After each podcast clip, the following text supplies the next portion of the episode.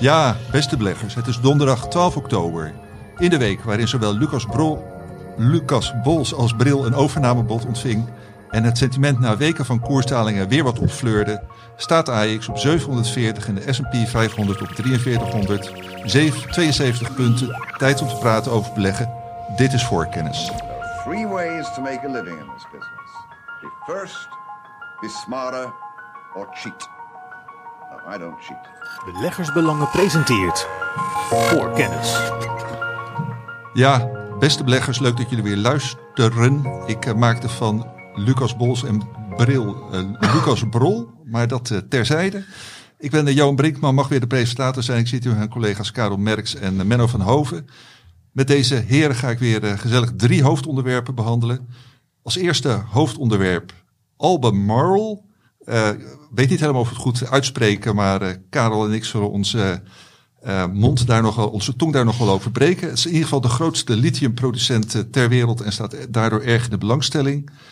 als tweede aandelen van bedrijven die kunnen helpen bij het voorkomen en bestrijden van brand. Daar kregen wij in de zomer, toen al die verschrikkelijke bosbranden in met name Zuid-Europa waren, maar ook andere delen van de wereld, uh, een leuke vraag over van uh, een van onze luisteraars. En Menno is daar ingedoken en die gaat er straks wat over vertellen. En als derde, uh, Italiaanse staatsobligaties. Wat zeggen die obligaties en hoe die bewegen over de economie van Italië en van de eurozone? Maar zoals altijd beginnen we met terugblikken. Karel, wat is jou afgelopen week het meest opgevallen? Laat ik beginnen met het leukste nieuws van afgelopen week. Gisteren op woensdag vond de jaarlijkse Duolingo En het is net als met andere techbedrijven vertellen ze wat voor nieuwe dingen zij gaan introduceren en waarmee zij uh, bezig zijn. En we hebben veel meer uh, geleerd over hun nieuwste cursus. En het is niet over taal, maar over muziek. Want wetenschappelijk onderzoek heeft namelijk uh, aangetoond dat het leren van muziek bijdraagt aan betere lees, verbale, luister- en wiskundige vaardigheden. En de conclusie is dat uh, dankzij Duolingo dag heb ik weer vertrouwen, of althans nog steeds vertrouwen, dat ook in de komende kwartalen Duolingo rustig zal blijven verder groeien. En de jaarwinst van Duolingo is uh, inmiddels opgelopen tot uh, 150% En wat dat betreft gaat het heel erg goed. Oké, okay, nou dat was uh, inderdaad uh, leuk nieuws. Volgens mij heb je ook uh, ja, minder leuke berichten. Nou ja, niet minder leuk, maar ik zou wel het woord verschrikkelijk uh, willen gebruiken. Want ik was wel geschokt wat er afgelopen weekend uh, heeft plaatsgevonden of begonnen is uh, in Israël. En als wij de Israëlische premier Benjamin Netanyahu mogen geloven, dan hij waarschuwde dat het ergste nog moet komen. Weet je, dit bevestigt nou ja, de vrees die, die Stefan en ik, en ook beleggen lang iedereen, heeft uitgesproken voor de komende jaren dat defensieaandelen waarschijnlijk een omzet uh, flink, zullen, ja, flink zullen laten zien groeien, helaas. En om maar even een voorbeeldje te nemen. Weet je, op dit moment wordt in de Oekraïne wordt een maand, uh, in een maand tijd worden evenveel granaten en munitie afgevoerd. Wat in Europa een jaar duurt om dat te produceren. Dus de wereld heeft een munitietekort. En onlangs nog hebben de Verenigde Staten, omdat het rustig was in Israël, uh, daar 300.000 uh, granaten opgehaald en gedoneerd uh, aan Oekraïne. En de eerste vliegtuigen met Amerikaanse munitie zijn alweer geland in, in Israël. En het is dat ik het er wettelijk bij moet zeggen. Maar ik ben dus een aandeelhouder in, in Rijnmetaal. Maar dit is niet echt de manier waarop ik geld wil verdienen. Nee, nou dat geldt uh, voor ons allemaal bij beleggersbelangen. Maar het hoort ook uh, gewoon bij deze podcast, dit soort uh, ontwikkelingen. Ja, klopt. En daarnaast was deze week ook de OPEC. Die had een bericht dat ze een jaar geleden dachten dat de olieconsumptie tot 110 miljoen vaten per dag zou kunnen stijgen in 2045. Maar die voorspelling was veel te voorzichtig, want de OPEC heeft gezien dat ontwikkelingen in China, India en Afrika ervoor heeft gezorgd dat waarschijnlijk 116 uh, miljoen vaten olie per dag worden gebruikt in 2045. 45. En we hebben net weer een nieuw all-time high bereikt met een dagelijkse olieproductie van 103 eh, miljoen vaten per dag.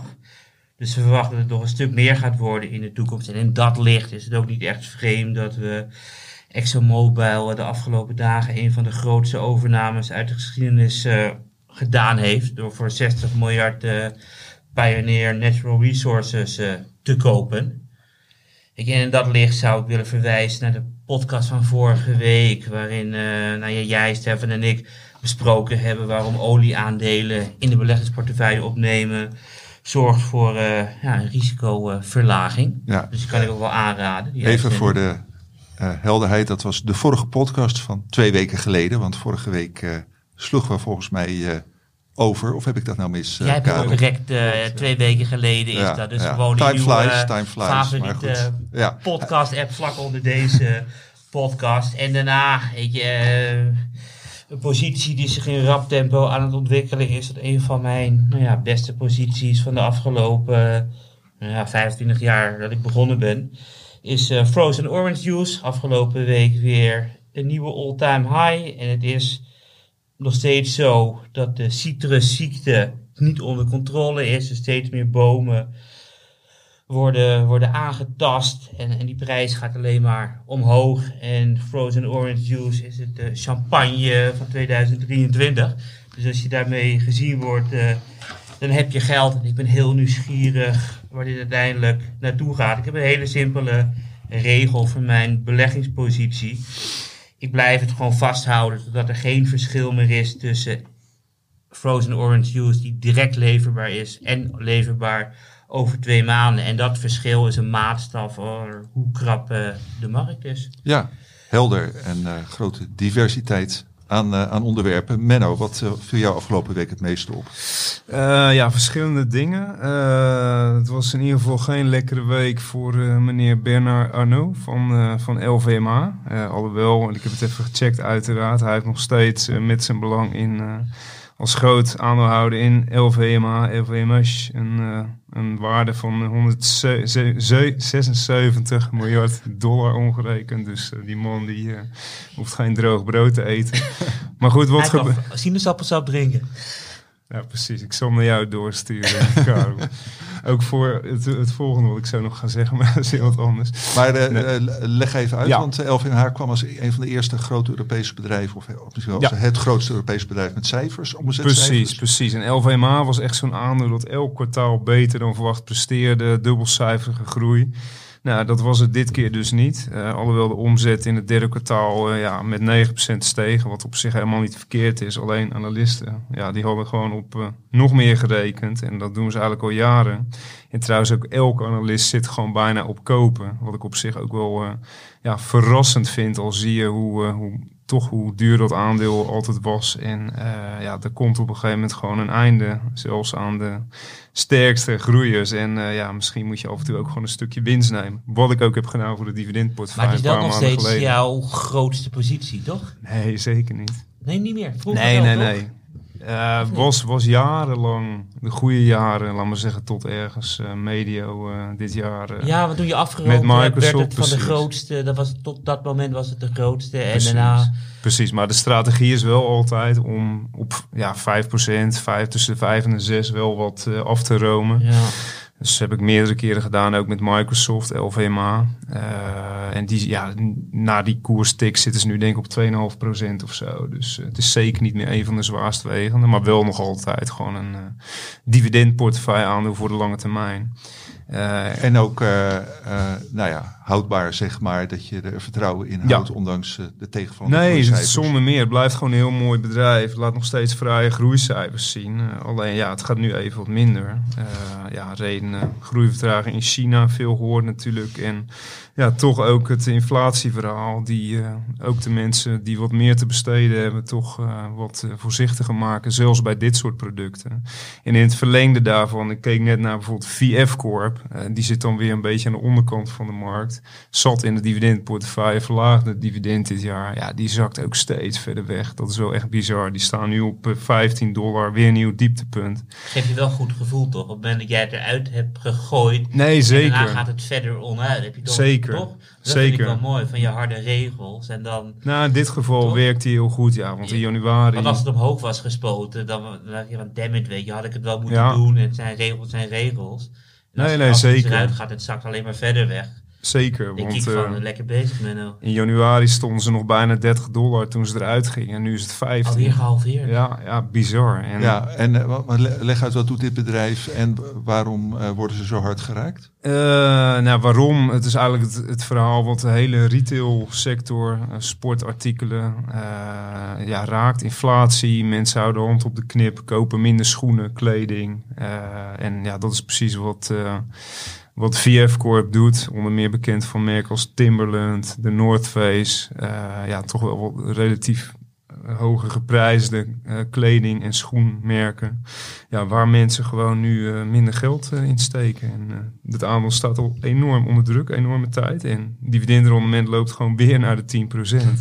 En straks mogen ze het gewoon nog een keer verlagen. Dus ja, wat dat betreft hadden ze misschien beter helemaal kunnen schrappen. Maar dat is een andere discussie. Maar dat was een zijsprongetje, want ik wilde eigenlijk verder met eh LVMH. Want eh, er was gisteren ook de IPO van Birkenstock. Heb ik in een eh, eerdere podcast ook al eh, aangestipt. En eh, ja, wie is daar een groot aandeelhouder in? Ook eh, meneer Arnoux via zijn eh eh investeringsvehikel eh, L. Ketterton, als ik het goed uitspreek. En eh, ja, dat Birkenstock, natuurlijk bekend van die eh, mooie, nou je moet ervan houden, sandalen. Eh, het merk kreeg een enorme boost eh, na de Barbie-film, waarin eh, Barbie een eh, paar, heb ik me laten vertellen, roze sandalen. Je bent niet geweest, Menno? Nee, zeker niet. Oké. Ik heb kleine stukjes gezien, maar dat trekt me totaal niet. Eh, maar goed, de, het verhaal rondom die IPO was altijd al van waardering is bizar. Eh, nou ja, en ze doen het ook gewoon, zelfs in deze markt, tegen gewoon echt een waardering. Exacte cijfers heb ik niet, maar die gewoon ruim boven de gemiddelde luxe sector waardering ligt. Eh, ja, en dat voor een bedrijf met wat ik zelf niet echt als een eh, luxe product eh, beschouw. En ja, niet he- geheel verrassend, die IPO flopte volledig. Slechtste IPO van een bedrijf eh, met een waarde van meer dan 1 miljard in de laatste twee jaar. Sloten 13% lager gisteren. Eh, maar ja, eh, meneer Arnoux, die zal daar niet van wakker liggen natuurlijk. Nou ja, ik weet het niet. We hebben nu overigens wel binnen een kwartier twee aandelen eh, besproken van eh, producten die in de Barbie-film eh, zitten, toch? Duolingo ook? Zeker. Ja, ja. Kijk, dus, nou dat wist ik dan weer niet. Maar ja, en we- Luister niet naar onze podcast, Menno. Nu ben je betrapt. ik luister wel, maar mijn geheugen wordt Met een-. Dan moet je niet zoveel orange juice drinken, eh, Menno. Maar goed. Nee. Ja, misschien is dat het. Ja. Nee, en eh, nog een ja, kleine aanvulling op dit bericht. Want eh, ja, ik ben iemand die altijd met beleggen heel goed om me heen kijkt naar producten, merken. En eh, nou, zo was ik eh, op het moment dat die IPO werd aangekondigd, een paar maanden geleden in eh, Oberhausen.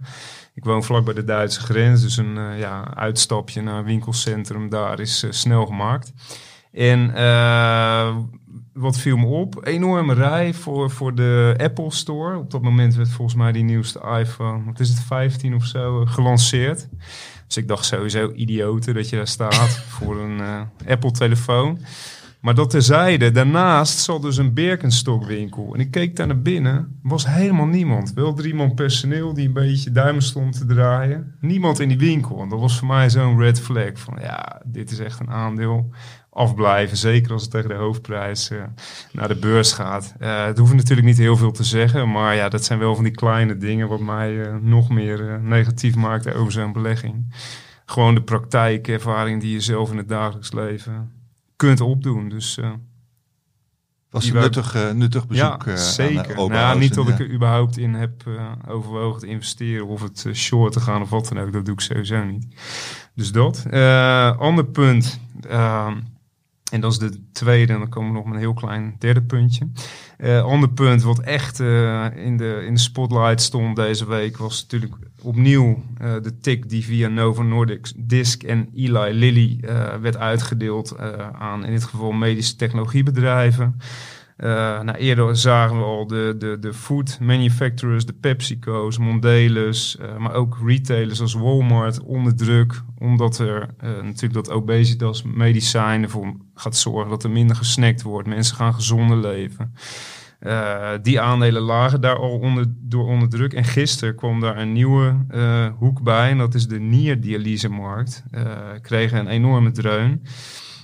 Op het nieuws dat Novo Nordisk's anti-obesitas medicijn Ozempic ja, succesvol is bij een proef om nierfalen bij diabetespatiënten te behandelen.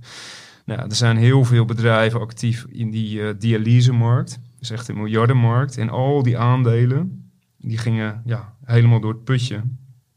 Met natuurlijk als achterliggende gedachte dat, dat met die uh, anti-obesitas medicijnen ook ja, veel minder vraag uiteindelijk zal komen naar die, die dialyseproducten. omdat mensen ja, gezond, meer gezonde nieren hebben via die medicijnen.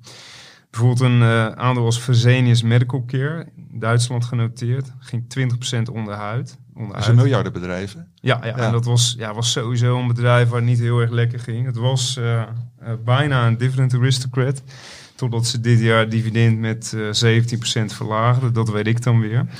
Uh, ja, die gingen volledig door het putje. Maar ook andere Amerikaanse aandelen. Baxter International is een grote speler uh, op die uh, nieren dialysemarkt voor nierproducten. Ging 13% onderuit. en ook ja, toch wel eigenlijk defensieve veilige namen als een Medtronic, oud dividendportefeuille en Becton Dickinson en Abbott Laboratories. Uh, allebei ook aristocrats die in de dividendportefeuille zitten, ja, verloren toch 5, 6 procent op dat nieuws. En daartegenover Novo Nordisk nog hoger, Eli Lilly nog hoger. Eli Lilly doet dit jaar nu gewoon plus 67 procent en is bijna 600 miljard waard. Dat is echt uh, ongekend.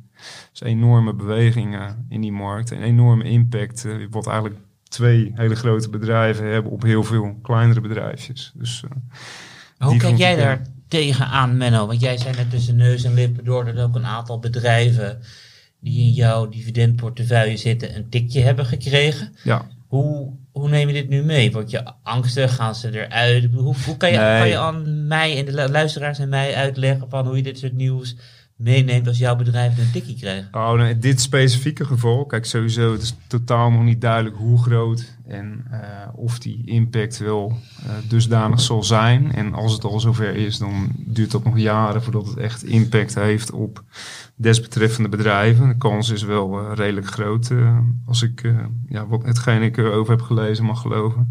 Maar voor mij persoonlijk, het zijn de bedrijven in het dividendportefeuille, ja, die hebben een relatief klein deel van de omzet afkomstig uit die markten. Uh, dus ja, dat is eigenlijk het hele verhaal. Zoals je het hele beleggen moet benaderen, breed spreiden. Dus ook bedrijven, ja, liefst niet met één product, één trucje, maar gewoon met meerdere takken. En uh, dan ligt daar zeker niet wakker van. Uh, sterker nog, ja, ik, voor, voor een aandeel als Abbott of Becton zie ik het, zou ik dit eerder als een bijkoopmoment zien, zo'n koerstikje. Dus uh, nee, daar zou ik niet van wakker liggen, tenzij je echt volledig in die markt zit, zoals zo'n Fresenius Medical Care. Ja, en dat klapt dan ook 20% in elkaar. Dus uh, zorg Maar die zit niet in de dividend Nee, nee zeker niet. Nee, zeker niet. nee. Gelukkig niet. Dus, uh, en dan nog ja, één puntje, hebben we het al kort over gehad voor de podcast. Uh, was natuurlijk deze week uh, een enorme storing bij de Giro. Ik denk dat iedereen die in Nederland belegt, zeker die bij de Giro zit, dat hij zich daar enorm aan heeft geïrriteerd. Het duurde volgens mij de hele ochtend. En uh, ja, er was gewoon nergens of nauwelijks informatie vanuit de Giro zelf. Uh, ja, hele slechte zaak natuurlijk. Stel nou dat je met poets of calls of whatever zit en je, je wilde uit en je moet heel de ochtend wa- wachten. Je had, Zeker. wel, je had wel mogen bellen. We hadden wel een bericht van dat je kon bellen en dan gaven zij de orde door. Maar ik ben het wel met je eens. Ik vraag me af Ja. of je dan gelijk geholpen zou ja, worden. misschien maar heb je een wachtrij van hier Ja. naar Tokio kan natuurlijk. Maar wel irritant. Ik wil elke zaterdag tik ik dan eh, bepaalde waardes uit mijn portefeuille in Excel-bestandjes op dingen te meten.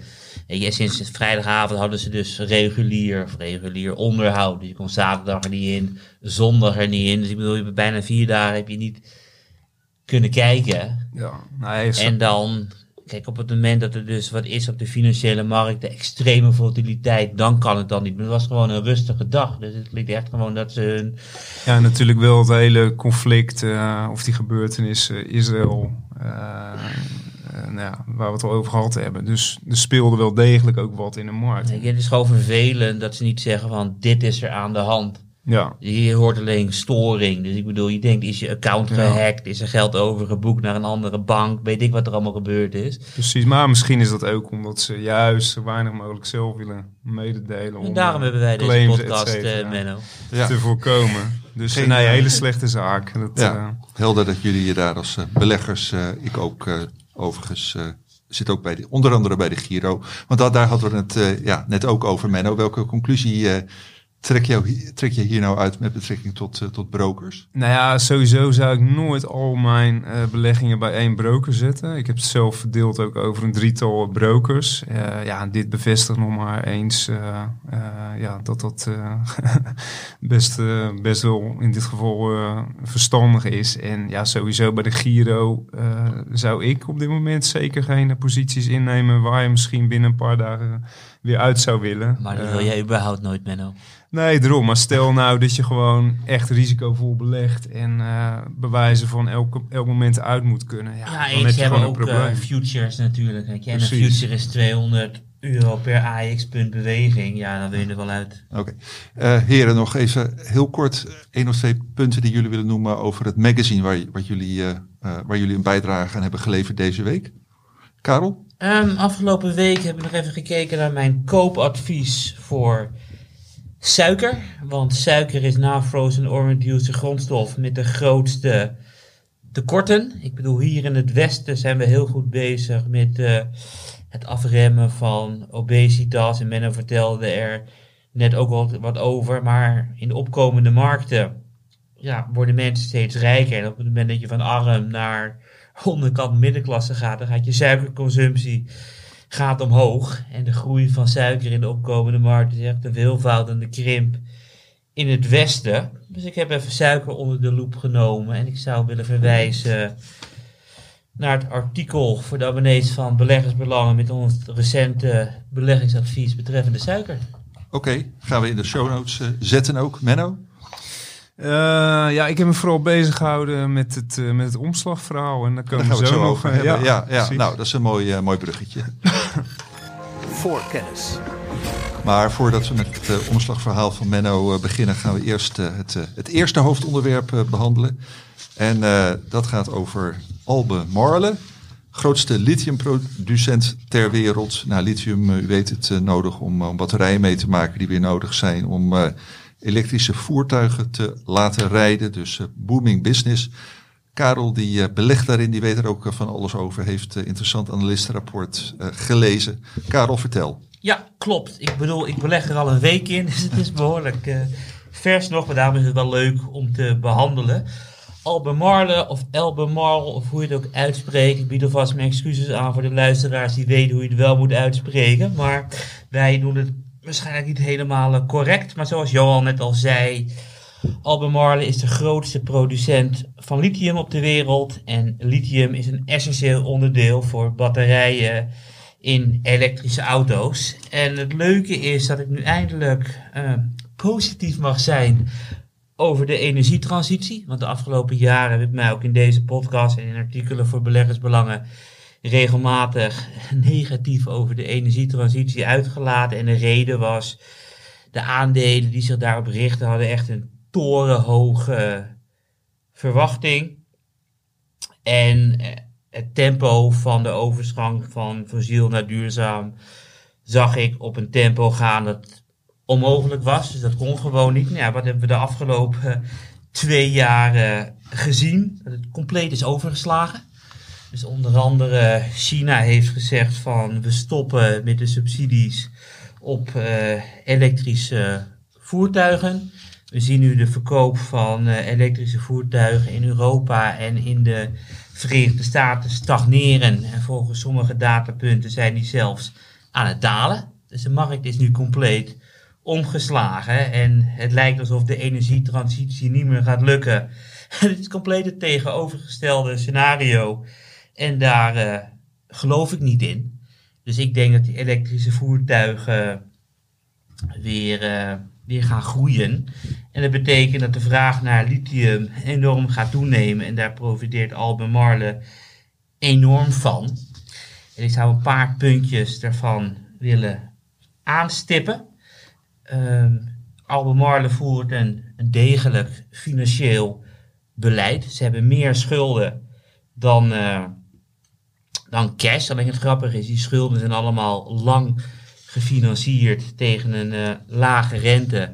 En de cash levert op dit moment eh, zoveel aan rente op dat eh, de ontvangen rente bijna evenveel hoog is als de betaalde rente op de schulden. Dus dat is heel erg fijn. En los daarvan is de balans ook ijzersterk. En, en Menno kent het aandeel uiteraard ook. Het zal me ook niet verbazen als Menno er ook af en toe naar kijkt. Maar dat zal ik straks aan hem vragen, omdat het een dividend aristocrats is. Afgelopen 29 jaar, elk jaar netjes eh, het dividenden omhoog. Maar ik wil eigenlijk niet te ver hierover uitweiden. Want ik bedoel, de uitgebreide analyse van twee pagina's kunnen beleggers lezen in de beleggersbelangen. Wat ik gewoon ruim een week geleden gepubliceerd heb. Link uiteraard ook in de show notes. Maar wat ik dan altijd doe is, ik ga dan op zoek naar analistenrapporten. Omdat ik altijd nieuwsgierig ben. Hoe kijken analisten daar tegenaan?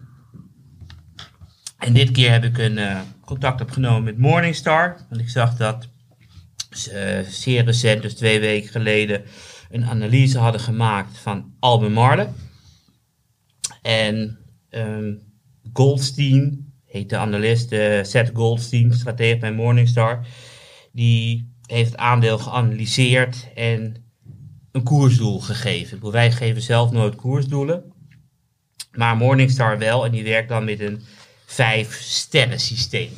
En dan het meest eh, eh, als hij één ster heeft, betekent dat overwaardering. En dat zou dus eh, betekenen dat Arne Marle op dit moment eh, 543 dollar zou moeten noteren. En volgens Goldstein zou dat mogelijk zijn wanneer beleggers weer eh dol enthousiast worden over eh, elektrische voertuigen. Zien beleggers het eh, totaal niet zitten en denken ze dat er geen groei is van de elektrische voertuigen. Dan zou in het extreemste geval 2,10 op de borden kunnen komen en, en 3,50 zou een normale waardering zijn voor Albemarle. Nou ja, de huidige koers is 155 en dat laat dus volgens Goldstein zien van dat de financiële markten er totaal niet meer geloven in de energietransitie, denken dat we altijd op fossiel zullen blijven rijden en dat het percentage elektrische voertuigen niet zal gaan groeien. En toen dacht ik van, hé, die 155 is zo extreem. eh, laat ik het een keer eh, in deze podcast benoemen. Helemaal omdat ik vorige week ook het aandeel zelf heb gekocht. Ja, en, eh, en hebt eh, getipt voor de lezers van beleggersbelangen. en dat zetten we ik bedoel, het in, wel fijn. Ik bedoel, in de show dat als notes, ik een ja. goed Ken ik- idee heb. oh ja. ja. Hey, Als ik een goed idee heb, dan denk ik van ik koop het zelf en dan schrijf ik er ook gewoon twee pagina's over. ja. En Skin in the game. die, die ruimte krijg je dan. Menno, kende jij het in de aandeel inderdaad? Eh, Ja, zeker als eh, dividend eh, aristocrat. Maar ik moet wel zeggen, het is geen aandeel die ik met uh, bovengemiddelde interesse volg of gevolgd heb. Maar dat was altijd omdat ze qua dividendgroei echt ver achterbleven. Volgens mij is het wel aangetrokken dit jaar of de laatste twee jaar. Maar ja, ik ben meer van de echte producten en de niches en niet van de meer de bulkbedrijven. Wat volgens mij Albemarle toch wel is qua uh, lithium, uh, als lithiumproducent. Ja, nee, klopt. Ik bedoel, het is één product wat ze verkopen. Het is essentieel voor een batterij in een elektrische auto. En op het moment dat dat niet meer nodig is, is er een groot probleem. Alleen de vraag is van, wanneer komt er een alternatief voor lithium voor batterijen? Ik bedoel, niemand... eh, er is gewoon geen alternatief, omdat het gewoon heel goed handig is voor zo'n motor. Zo'n batterij, Oké. zou ik moeten zeggen. Dankjewel, eh Karel. En eh, nou, het is leuk om eh, twee mensen aan tafel te hebben die dan toch allebei enthousiast zijn over een aandeel, maar wel de een wat enthousiaster dan de ander. Ja, ja, maar ik geloof dat Menno val... Ik ben niet negatief over het aandeel. Nee, nee, maar, maar jij kijkt altijd echt naar de groei uit het verleden van het dividend natuurlijk. Ja, en gewoon puur wat ze doen. En sommige dingen die spreken me gewoon meer aan dan andere dingen. Oké. Nee, eh, kan. Eh, dankjewel. Overigens over de eh, markt voor elektrische auto's gesproken. Het verhaal van de week deze week. Dat gaat over eh, het aandeel Tesla en eh, drie andere aandelen in die hoek. eh, waar we eh, enthousiast over zijn. Ook dat eh, ga ik in de show notes zetten. En abonnees kunnen het natuurlijk sowieso eh, lezen in ons magazine en op de website. Eh, dank jullie wel. Eh, ja, Menno, eh, toen eh, afgelopen zomer, toen het hier eh, behoorlijk heet was, was het op andere plekken ter wereld nog warmer. En met name Zuid-Europa, maar ook VS en op een aantal andere plekken grote bosbranden. En toen kregen wij een heel interessante vraag van een luisteres. Die zei van, ja, kunnen jullie daar niet eens aandacht aan besteden aan de bedrijven die ja, in deze groeimarkt, hier ook helaas, kunnen helpen om eh, branden te bestrijden, misschien ook om branden te voor- voorkomen. En toen we het daar op de redactie over hadden, stak jij meteen je vinger op. Je bent erin gedoken en eh, wat eh, ben je tot nu toe daarover te weten gekomen? Ja, nee, absoluut. Zo is het ongeveer gegaan, ja. Want eh, sowieso een heel interessant eh, onderwerp... waarvan ik wel al een aantal bedrijven eh, ooit eh, tegen was gekomen... die iets op dat gebied deden. Nou, uiteindelijk bleek dat, en dat had Karel ook al eh, geconstateerd... bleek het vooral te gaan om bedrijven die een klein stukje... of althans de beursgenoteerde bedrijven... die een klein stukje van hun omzet uit brandbeveiliging of preventie... eh, of bestrijding eh, halen en vaak daarbij veel meer andere dingen doen. Ik kom zo met een aantal voorbeelden. Maar er zijn ook een paar echt eh, pure niche-spelers die alleen maar op dat fire protection actief zijn. Maar het probleem daarvan, tussen haakjes, is dat die vaak niet beursgenoteerd zijn. Eh, nou ja, het is natuurlijk ontegenzeggelijk, wat je al eh, aan, aangaf, klimaatverandering, stijgend aantal rampen, waaronder dus die bosbranden. Eh, maar een ander ding, wat je ja, vooral veel in het nieuws ziet de laatste tijd en jaren, dat zijn ook branden, bijvoorbeeld door zonnepanelen of accubranden. Eh, en dan komen we weer bij het lithium uh, Albemarle uit, wat, ja, wat dus heel lastig te blussen blijkt, die accubranden. En dat blijkt ook wel, die boot die voor die Waddeneilanden lag. Hoe lang heeft dat auto's, niet? ja. Precies. Nou ja, dat is dus een, ook zo'n voorbeeld van nieuwe technologie. Ja, die nieuwe uitdagingen met zich meebrengt eh, voor brandweerkorpsen en eh, ja, brandbestrijding in het algemeen. Nou, eerst kijken naar die eh, bosbranden. Ik ben echt heel diep gegaan. Ik heb alle mogelijke hoeken en eh, aandelen en eh, invalshoeken heb ik bestudeerd. En dan kom je heel veel hele interessante dingen tegen.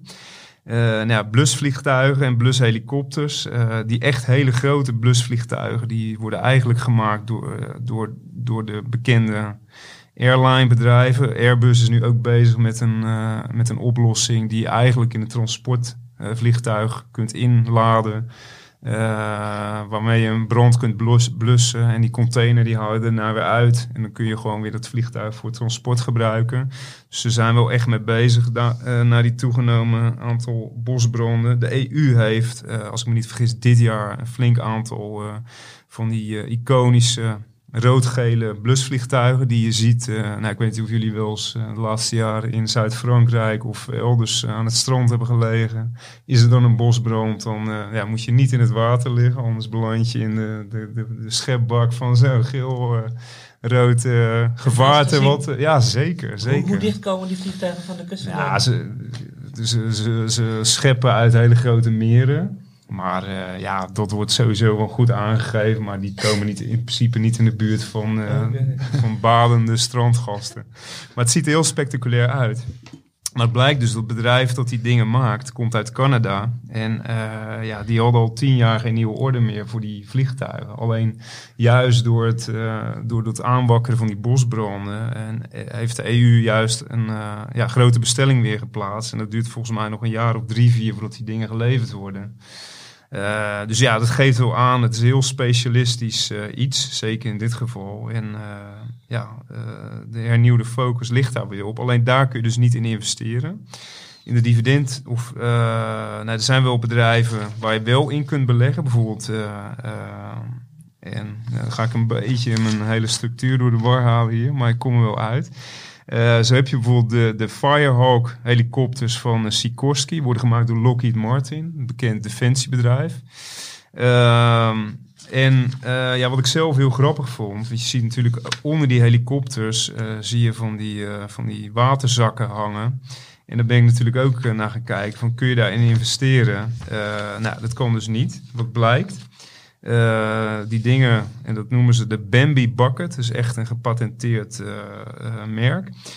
Wordt gemaakt door Sai Industries uit Canada. En dat is een van de toonaangevende bedrijven op het gebied van bestrijden van bos- en natuurbranden.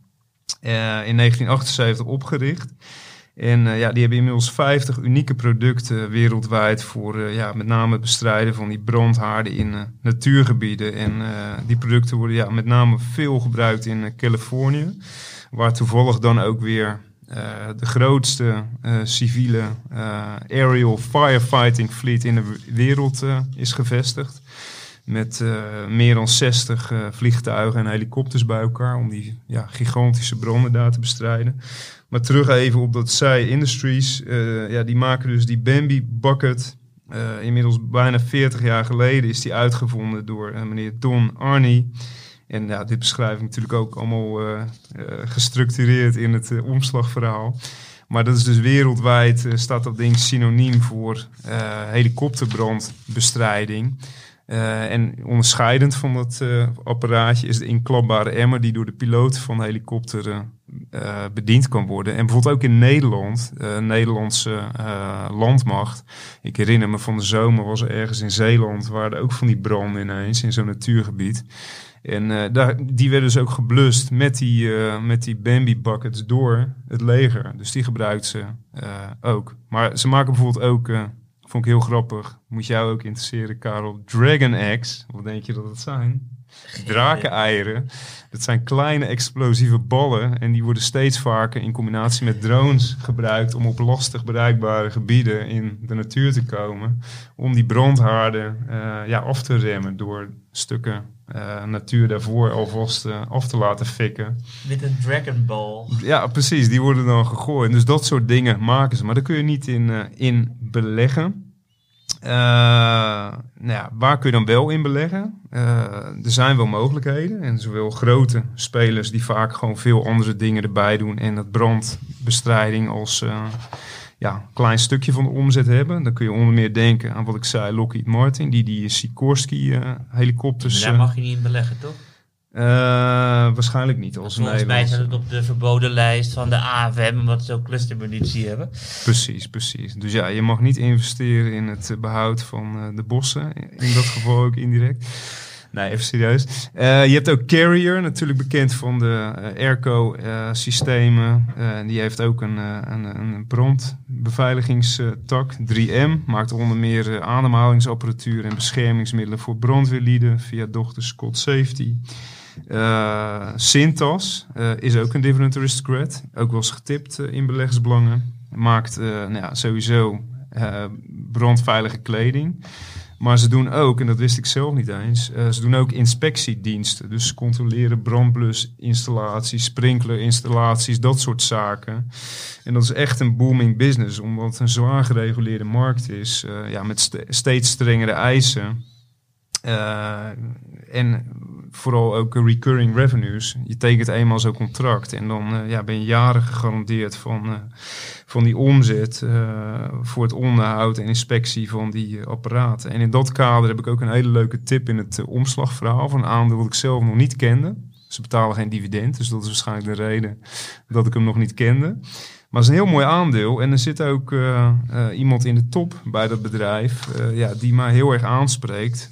Omdat ik in het verleden eh, aandelen waar die man aan het roer was, eh, heb getipt en heel goed heb gevolgd. En eh, ja, daar heb ik, wel, heb ik wel echt een goed gevoel bij. En het bedrijf doet het ook heel goed. En ik spring nu gelijk door naar mijn lijstje met, met tips. Een marketeer ben je ook. Ja, heel Ik goed, hè? Want in dat omslagverhaal kom ik met vijf aandelen. Eentje uit Europa. En dat is echt een small cap. Maar dat is ook het enige, wat mij betreft, pure brandbedrijf. Beursgenoteerd, wat alleen maar eh, gericht is op eh, brandweerkleding, helmen, brandweerwagens. Sterker nog, brandweerwagens die ook gewoon bij Nederlandse brandweerkorpsen rondleiden. Dus dat die video's die we gekeken hebben vanmiddag? Precies, Karel. En waren ze rood, die brandweerwagens? Ja? Nee, dus dat, eh, en dat was dus ook het aandeel wat ik al jarenlang kende, omdat ze heel lang een heel mooi dividend eh, betaalden. Eh, maar goed, daarover meer in het omslagverhaal van volgende week wordt dat dan. De tweede tip, nou ja, die noemde ik net. Dat is een dienstverlener die, en dat is wel heel interessant, want zo ben ik erop gekomen. Die zit ook achter die brandblussers van het merk Ajax. Kennen jullie ongetwijfeld. Hangt in bijna ieder gebouw. Precies, Ja. maar dat zou je dus zeggen. Maar ik keek dus hier even bij ons in het gebouw. Ik dacht dat zou ook dat Ajax zijn, maar dat is een heel ander merk. Oké, nou, Dus ze hebben is- concurrentie. Precies, het Ja. is een merk, maar dat valt dus onder het bedrijf. En eh, ja, dat is daar terechtgekomen een paar jaar geleden via een acquisitie. En eh, ja, daar zit dus een heel sterk management. Het bedrijf laat hele mooie groeicijfers zien. En eh, ja, de waardering is niet eens heel erg gek. Dus dat is wel echt een heel mooi aandeel binnen die sector. Een derde tip. En eh, ja, die was voor mij het meest bekend vanwege, eh, omdat het een heel mooi dividendaandeel is, dat al 50 plus jaar op rij dividend verhoogt. En wat doen die? Die eh, richten zich voorheen op de veiligheid van mijnwerkers met detectieapparaatjes voor gasconcentraties en, en maskers voor de schadelijke stoffen. En die doen dat nu deels voor brandweermannen en vrouwen natuurlijk. Met kleding, maskers, gasmaskers en ook detectiesystemen. Eh, voor de veiligheid binnen die sector is ook een heel, eh, heel mooi aandeel. Een vierde tip maakt onder meer sprinklers, brandalarmen en eh, is daarnaast ook een grote speler in de zogenaamde HVAC-markt, ofwel airconditioning, ventilatie en verwarmingssystemen. En leuk daarvan is dat ze dit jaar het dividend al twee keer verhoogd hebben en dat de waardering ja, best wel heel erg aantrekkelijk is ook. En een laatste, en nou, misschien mag ik daar wat meer over zeggen. Ja, Johan. vrijwel. Uh, Dan gaan we Heel goed, heel goed. Ja. Dan gaan we goed. En daar heb ik toevallig ook het jaarverslag van, omdat ik die ooit heb binnen gehad, eh, omdat ik er zelf in eh, heb belegd. En het betreft het bedrijf Gentex. En eh, ja, dat is weer typisch zo eentje die een heel klein stukje doet in, eh, in brandbeveiliging. Eh, maar dat is wel het snelst groeiende onderdeel van het bedrijf. Ik heb het uitgezocht. Eh, in 2022 was de omzet uit die brandbeveiligingsproducten van Gentex eh, eh, 38,2 miljoen. Maar dat was 50% meer dan het jaar ervoor. En ja, wat, doen, wat doet Gentex nou op het gebied van brandbeveiliging? Dat is ook heel leuk. Echt het omslagverhaal zit bomvol met leuke feitjes en historische... Benno, je kunt ook overdrijven. Hè? Nee, ik meen het echt. Ik Kom je het- zo nog met een eh, kortingcode voor Nee, nee. luisteraars die ons dan niet kennen? Of? Nee, maar dit bedrijf eh, was dus, ik, en ik pak gewoon mijn tekst erbij, eh, is oorspronkelijk opgericht als fabrikant van eh, hoogwaardige brandbeveiligingsproducten. En introduceerde in 1974 eh, het eerste eh, rookalarm. Eh, dus brand, eh, de, eh, brandmelder. En ja, dat is nu nog steeds de industriestandaard. En die vormt de basis voor alle huidige rookmelders die, nou, die wij ongetwijfeld zelf ook in ons huis hebben. Maar wat doen ze nog meer? Ze maken ook bellen, luidsprekers voor branddetectiesystemen. Ook de sprinklers maken ze.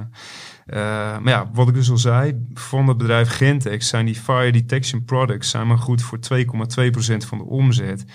En eh, ja, het bedrijf zelf is eigenlijk ook een heel interessant bedrijf. Want wat doen ze? Ze zijn actief op de eh, markt voor eh, auto-onderdelen. En dan vooral zijn ze heel groot in, wat we volgens mij in Nederland nog niet heel veel hebben, slimme achteruitkijkspiegels. Dus dan moet je denken aan geavanceerde dimbare spiegels. waar je sowieso allerlei informatie in kunt zien, appjes, dingen. dus gewoon echt in je gezichtsveld. Maar vooral ook, wat is nou irritant? Al rij je s'nachts uh, op de snelweg en je kijkt in je achteruitkijkspiegel. Wat is dan het meest irritante? Dat is een grote uh, koplamp van, de, van je achterligger naar binnen schijnt. Nou, zij hebben dus een gepatenteerde technologie waarmee die lampen of die spiegels automatisch dimmen. Zijn ze heel groot en zijn ze heel goed mee ook. En uh, ja, door die patenten hebben ze een marktaandeel van uh, 89%. En dat is echt een groeimarkt. En uh, ja, daarnaast zijn ze ook actief met slimme ruiten. Waar allerlei informatie in getoond wordt. En hebben ze allerlei geïntegreerde camerasystemen, systemen, allemaal voor auto's.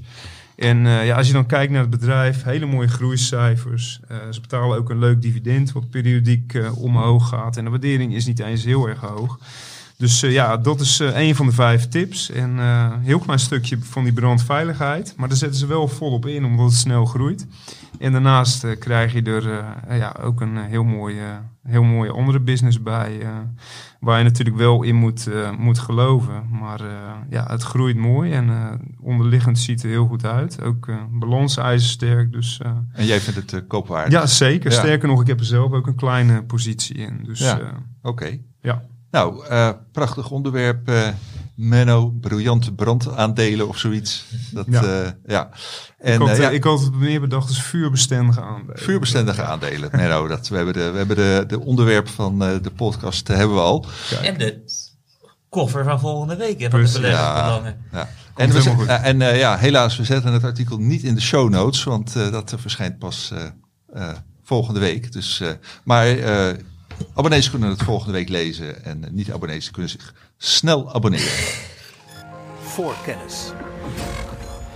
Eh, laatste hoofdonderwerp alweer, weer heel iets anders. Eh, Italiaanse staatsobligatie.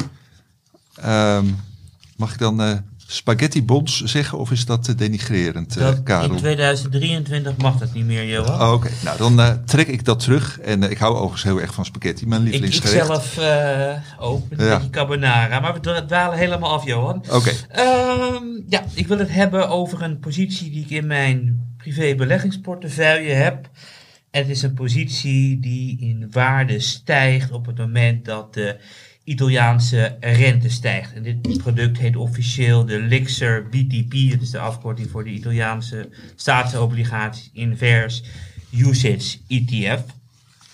En ik heb deze beleggingspositie in mijn beleggingsportefeuille zitten vanwege het onverantwoordelijke gedrag van Italië dat ze vooral in 2021 hebben laten zien. Want toen de tijd hadden ze twee opties voor een staatsschuld. Optie 1, ehm, nieuwe schuld aangaan tegen een negatieve rente voor een aantal jaar. Het is heel erg leuk, want je gaat geld lenen tegen een negatieve rente, dus je hoeft minder terug te betalen dan je uiteindelijk leent. Of optie 2, kiezen voor een extreem lage rente van 1,1% voor een periode van 30 jaar. Maar ja, korte termijn is geld toekrijgen leuker dan op 30 jaar vastzetten tegen 1,1%. Dus ideaal koos massaal voor kortlopende schuld. En 11% van die schuld loopt af in 24, 10% in 25 en 11% in 2026. Dus ruim 30% van de Italiaanse staatsschuld loopt in de komende jaren af. En ze zijn al een van de grootste overheden met de grootste schuld wereldwijd. Het gevolg daarvan is dat als er moet worden hergefinancierd, ze 500 basispunten, oftewel 5 procentpunt meer moeten betalen dan wat ze in 2021 hebben betaald. Dus ik ben een beetje gaan rekenen van eh, hoeveel zou het zijn. maar even voor de helderheid, eh, Karel. Als ik me niet vergis, eh, hadden we sowieso niet eh, mevrouw Meloni, die toen in 2021 aan de macht was. Want dat is pas sinds ongeveer een jaar volgens mij. Dat was het Draghi toen was toch? het Draghi. En ja, dat, die staat toch, of ja, die was president van de ECB. Stond bekend als nou, een gematigd, verstandig persoon. Maar die heeft dan deze hele verkeerde keuze gemaakt. Klopt. Klopt. Ik bedoel, even een zijsprongetje. eh, Oostenrijk zei van de obligatiemarkten zijn knettergek. Dus wat gaan wij doen? We gaan eh, zoveel mogelijk staatsschuld uitgeven met een looptijd van 100 jaar. Dat er met 2118, voor 2121 waren de laatste leningen, die zijn uitgegeven. Dus die hebben nu echt heel erg pret daarvan. Kijk, en Draghi was natuurlijk de man eh, die heel slim is, heel gematigd en heel veel partijen bij elkaar heeft gebracht. Dus hij had niet zijn, eh, de beslissing om te doen wat hij verstandig leek. Dus volgens mij was het gewoon een, compromis. Maar in ieder geval, dus je had, uiteindelijk loopt er bijna 700 miljard af in de komende jaren. Dus dan ben ik een beetje gaan rekenen van wat gebeurt er nou op het moment dat Italië nu tegen 5% eh, moet gaan lenen, dan ga ik er niet eens vanuit dat de rente mogelijk nog verder oploopt. Dat betekent dat Italië 34 miljard euro extra aan rentebetalingen moet gaan doen. Wat heel erg makkelijk rekenen is, is dat de Italiaanse begroting nu 1 biljoen is, oftewel 1000 miljard. Dus 3,4 is, eh 34 miljard is 3,4 procent. Ja, en Europa moet natuurlijk eh, nog wel een paar procent eh, begrotingstekort hebben. Dus Italië moet gaan bezuinigen. Alleen dit is een beetje de perfect storm aan het worden. Omdat de Europese Commissie in 2020 heeft gezegd... We, schorten de Europese begrotingsregels op. Je mag uitgeven eh, wat je wil om de pandemie eh, te boven te komen. Alleen vanaf 2024 moet de begroting weer in orde zijn.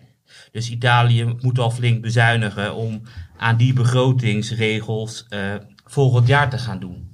En dat is niet alleen nog het probleem. Ehm, de Europese yield curve is invers. En dat betekent automatisch dat ergens in de komende kwartalen er een Europese recessie aankomt. En als er een Europese recessie aankomt, betekent dat de belastinginkomsten zullen dalen. En dus volgens mij kan er maar één ding gebeuren. Bezuinigen vanwege een recessie, bezuinigen vanwege het herintroduceren van de Europese begrotingsregels en nog een keertje bezuinigen vanwege de stijgende rentebetalingen. En vooral in de E- Engelstalige economie wo- wordt dit, eh, heb je daar een hele mooie term voor. De debt doom loop gaan we nu in.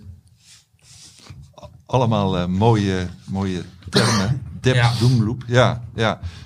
Dus ik, dus ik denk die rente moet gewoon omhoog, want beleggers gaan hun geld weghalen bij de Italiaanse overheid en daar wil ik op inspelen. En toen ik deze positie een paar maanden geleden besprak in de podcast, toen kreeg ik eh, opmerkingen van het is een hele risicovolle positie, Karel, want er is een kans dat de ECB gaat ingrijpen zoals in 2020 of in 2008 of tijdens de eurocrisis in 2012.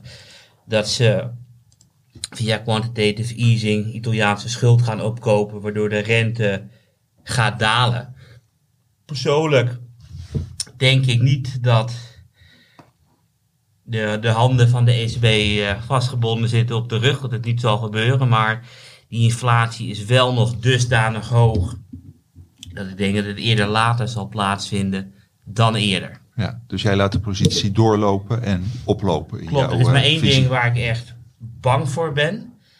En dat is dat Europa eurobonds gaat introduceren. Volledig gaat introduceren. En dat betekent dus niet meer dat een land als Nederland geld ophaalt dat het wil lenen. Of een land dat Italië geld op gaat halen en wil lenen. Maar dat is de Europese eurozone. De eurozone geld gaat ophalen. Dat iedereen garant staat.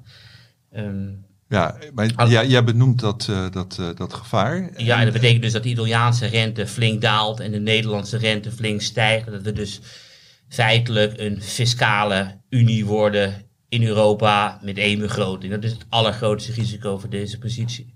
Ja, maar goed, dat neem jij omdat jij er gewoon eh, rendement van verwacht en jij ja, dat risico voor liefst neemt. Ook, en ik denk als ik nu bijvoorbeeld kijk naar Duitsland, naar bijvoorbeeld het, het alternatief voor Duitsland, wat zeer snel in de peilingen aan het opklimmen is.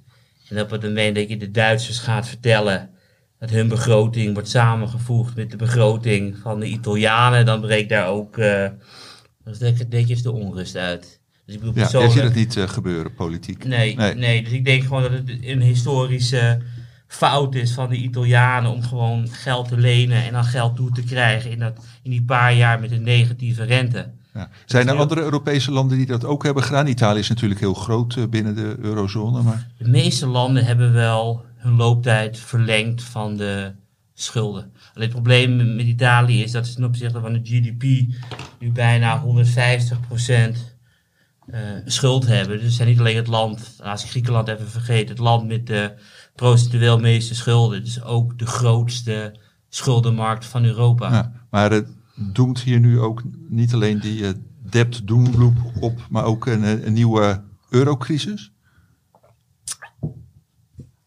uiteindelijk wel. Want ik bedoel, we hebben het nooit, hebben we de situatie in Europa opgelost. Ik bedoel, echt bij elke laatste Europese recessie greep de ECB in en begon echt op grote schaal Italiaanse staatsobligaties te kopen om de rente naar beneden te brengen. En dat kan je doen, want ik bedoel, de laatste drie recessies waren allemaal deflatoire recessies waarin de prijzen in rap tempo daalden. Ik bedoel, in 2008 was het, iedereen stopte met adverteren en daardoor uh, verdween behoorlijk snel een stukje economie. En elke keer was het een deflatoire crash. In 2020 zetten we zelfs de economie compleet stil. Alleen we zouden nu alweer een jaren 70 recessie zouden kunnen krijgen met inflatie. En ik wil niet geloven dat dan de ECB massaal quantitative easing gaat doen om de Italiaanse staatsschuld op te kopen. Nee. Helder verhaal, uh, En het leuke, het leuke van deze positie is hetzelfde met de Al Albemarle en Frozen Orange Juice. Het zijn allemaal posities die niet gecorreleerd zijn met elkaar. En dat maakt ook gewoon het beleggingsportefeuille een heel stuk stabieler. Dus ik ben blij met mijn short op Italiaanse bonds. Helder, dankjewel. Voorkennis. Nou, met zulke boeiende onderwerpen zijn we er doorheen gevlogen, luisteraars en, uh, en kijkers.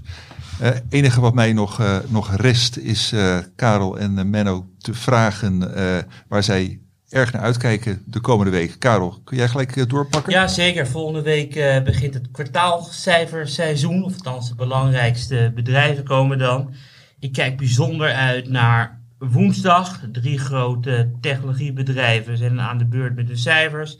ASML, Tesla en Netflix. En omdat het zulke grote en snel groeiende bedrijven zijn, ze zijn wel heel erg belangrijk voor het beurssentiment. Gaan zij de outlook verhogen, verlagen? Houden zij het in stand? En de belangrijkere vraag, geloven beleggers dat het wat voor koersuitslagen heb je aanstaande woensdag? Daar ben ik zeer nieuwsgierig naar. En uiteraard komen de komende weken ook weer CME, Rijnmetaal, Albemarle, Chevron en Duolingo, waar ik met uh, bijzondere belangstelling naar uitkijk. Oké, helder. Menno, jij ook uh, mooie dingen in het vooruitzicht? Ja, nee, sowieso ook uh, cijfers gaat veel uh, teweeg brengen. Uh, ik blijf natuurlijk met grote interesse alle ja, best wel extreme koersbewegingen volgen. En ja, specifiek voor de dividendportefeuille is er nog een flink aantal aandelen waarvan ik dividendverhogingen verwacht in het laatste kwartaal. Vraag me niet welke, want dat heb ik nu eventjes niet op mijn netvlies. Maar er zijn er zeker nog een aantal die een mooie verhoging gaan doen. deze week hadden we er weer eentje van de laatste aankoop, plus 13% uh, ook eentje die er al langer in zit, plus 7 Dus uh, gemiddeld gaat heel goed dit jaar en uh, er komt nog veel meer aan. Dus ik uh, kijk er met alle vertrouwen naar uit. Oké, okay, dankjewel Menno en dankjewel Menno en Karel voor weer dit hele mooie uur met beleggersgesprekken. luisteraars, kijkers ook bedankt. En volgende week dan zijn we er gewoon weer. Dan zit ik hier met Michel Pekoharing en Stefan Hendricks. Heeft u vragen voor een van beide heren of voor mij? net zoals die mevrouw die in de zomer die mooie vraag stelde over de brandaandelen. Stel ze op voorkennis.beleggersbelangen.nl. Ik herhaal het nog een keer. Voorkennis.beleggersbelangen.nl. Voor dit moment nogmaals bedankt iedereen en tot een volgende keer. Voorkennis.